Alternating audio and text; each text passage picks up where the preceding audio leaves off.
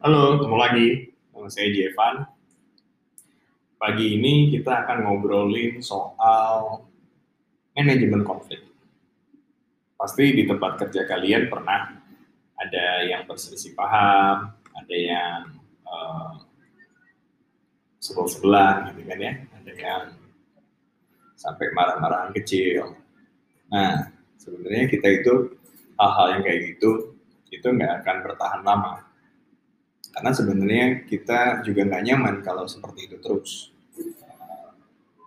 Yang kayak gitu maka sering disebut dengan dinamika pekerjaan. Ini normal nggak sih dalam pekerjaan, dalam organisasi, dalam tim? Ya, saya jawab aja, ini normal. Dan harus seperti itu supaya uh, kita bisa tahu juga, supaya timnya juga bisa lebih solid. Yang terpenting adalah uh, tetap berpositif thinking. Dan kita juga menghindari apa namanya negatif thinking, menghindari uh, gibah gitu kan. Nah, itu bolehlah dikesampingkan. Nah, yang kita mau bahas uh, sekarang adalah gimana memanage atau mengelola di saat kita punya kejadian seperti itu? Well, uh, yang pertama yang teman-teman harus lakukan atau sebaiknya dilakukan di saat teman-teman ada di posisi tersebut, pertama jangan emosi. Kepala tetap harus dingin supaya kita juga bisa berpikir dan mengambil keputusan yang bukan yang salah ya, tapi supaya kita tidak menyesal di kemudian hari. Nah, teman-teman di saat kondisi seperti itu, jangan emosi dulu itu yang pertama. Uh, kadang permasalahan itu uh, gak harus diselesaikan hari itu juga kan. Nah, ada beberapa orang yang cenderung kalau ada permasalahan akan di. Jadi teman-teman jaga emosinya, jangan memutuskan apa pun di saat kondisi kita sedang dalam emosi yang kurang stabil. Entah itu amarah, entah itu kecewa, dan lain-lain. Nah, yang kedua apa? Yang harus dilakukan di saat kita dalam kondisi seperti itu. Yang kedua, teman-teman juga bisa melihat kembali apa akar masalah atau penyebab kenapa kok ini muncul, kenapa kok kondisi seperti ini muncul.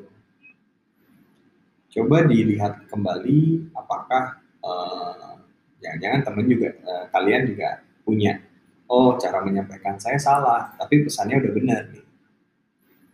Oh ternyata waktu menyampaikan itu kurang tepat juga. Jadi timbul masalahnya nih kenapa harus dicoba harus dicari uh, lagi dan berfokuslah pada solusi dari permasalahan itu. Nah, itu yang ketiga. Setelah dicari, fokus pada jangan pada emosinya, tapi fokusnya pada solusinya. Pasti terjadi selisih paham karena salah satu pihak itu ada yang tidak terpenuhi kebutuhannya. Nah, atau ada rumor-rumor miring gitu ya, rumor-rumor yang enggak uh, enggak enggak nyata, rumor-rumor yang um, tidak sesuai dengan fakta. Nah, teman-teman, selain tidak emosi, yang kedua cari akar permasalahannya, yang ketiga fokus pada solusi. Jangan uh, terbawa emosi lagi. Terus, kalau sudah melakukan tiga itu, apa yang harus dilakukan? Nah, teman-teman juga pasti harus duduk bareng. Duduk bareng, kita menyelesaikan atau bukan menyelesaikan, menyelesaikan masalahnya dengan cara saling terbuka dengan kebutuhan masing-masing. Saya butuh seperti ini loh. Saya kecewanya karena ini, saya marahnya karena ini. Ini yang agak sedikit menantang ya, agak sedikit susah.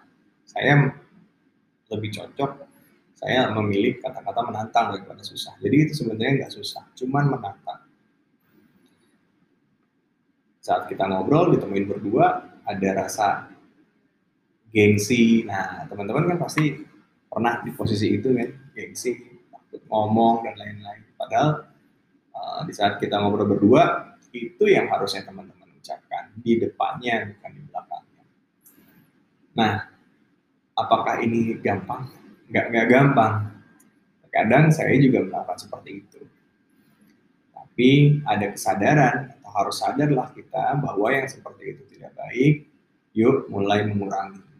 Jadi um, jangan takut untuk mencoba, meskipun kita masih uh, masih sering ngomongin orang di belakang, uh, ya nggak apa-apa. Tapi sadari bahwa itu uh, kayaknya kalau ngomong di depannya dia, kalau kita nggak puas, kalau kita sebel, itu bisa ngomong di depannya, di depan orangnya langsung.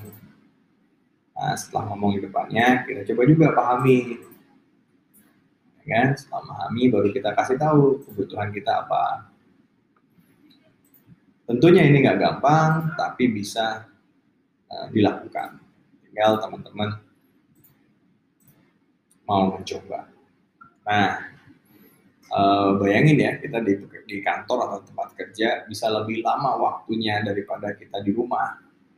Karena di rumah biasanya kita tidur gitu kan ketemu keluarganya sebentar paling cuma saat libur aja jadi tempat kerja harus seharmonis mungkin, harus uh, senyaman mungkin.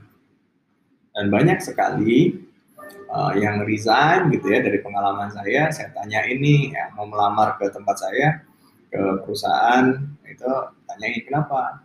Jawabannya nggak nyaman dengan lingkungan kerja. Ya, itu yang itu yang apa namanya uh, bisa jadi karena tempat kerja tidak nyaman, bisa jadi juga karena teman-teman tidak membuat tempat kerjanya nyaman untuk diri sendiri. Jadi teman-teman, um, saran saya kalau teman-teman di situ lakukan tiga tadi.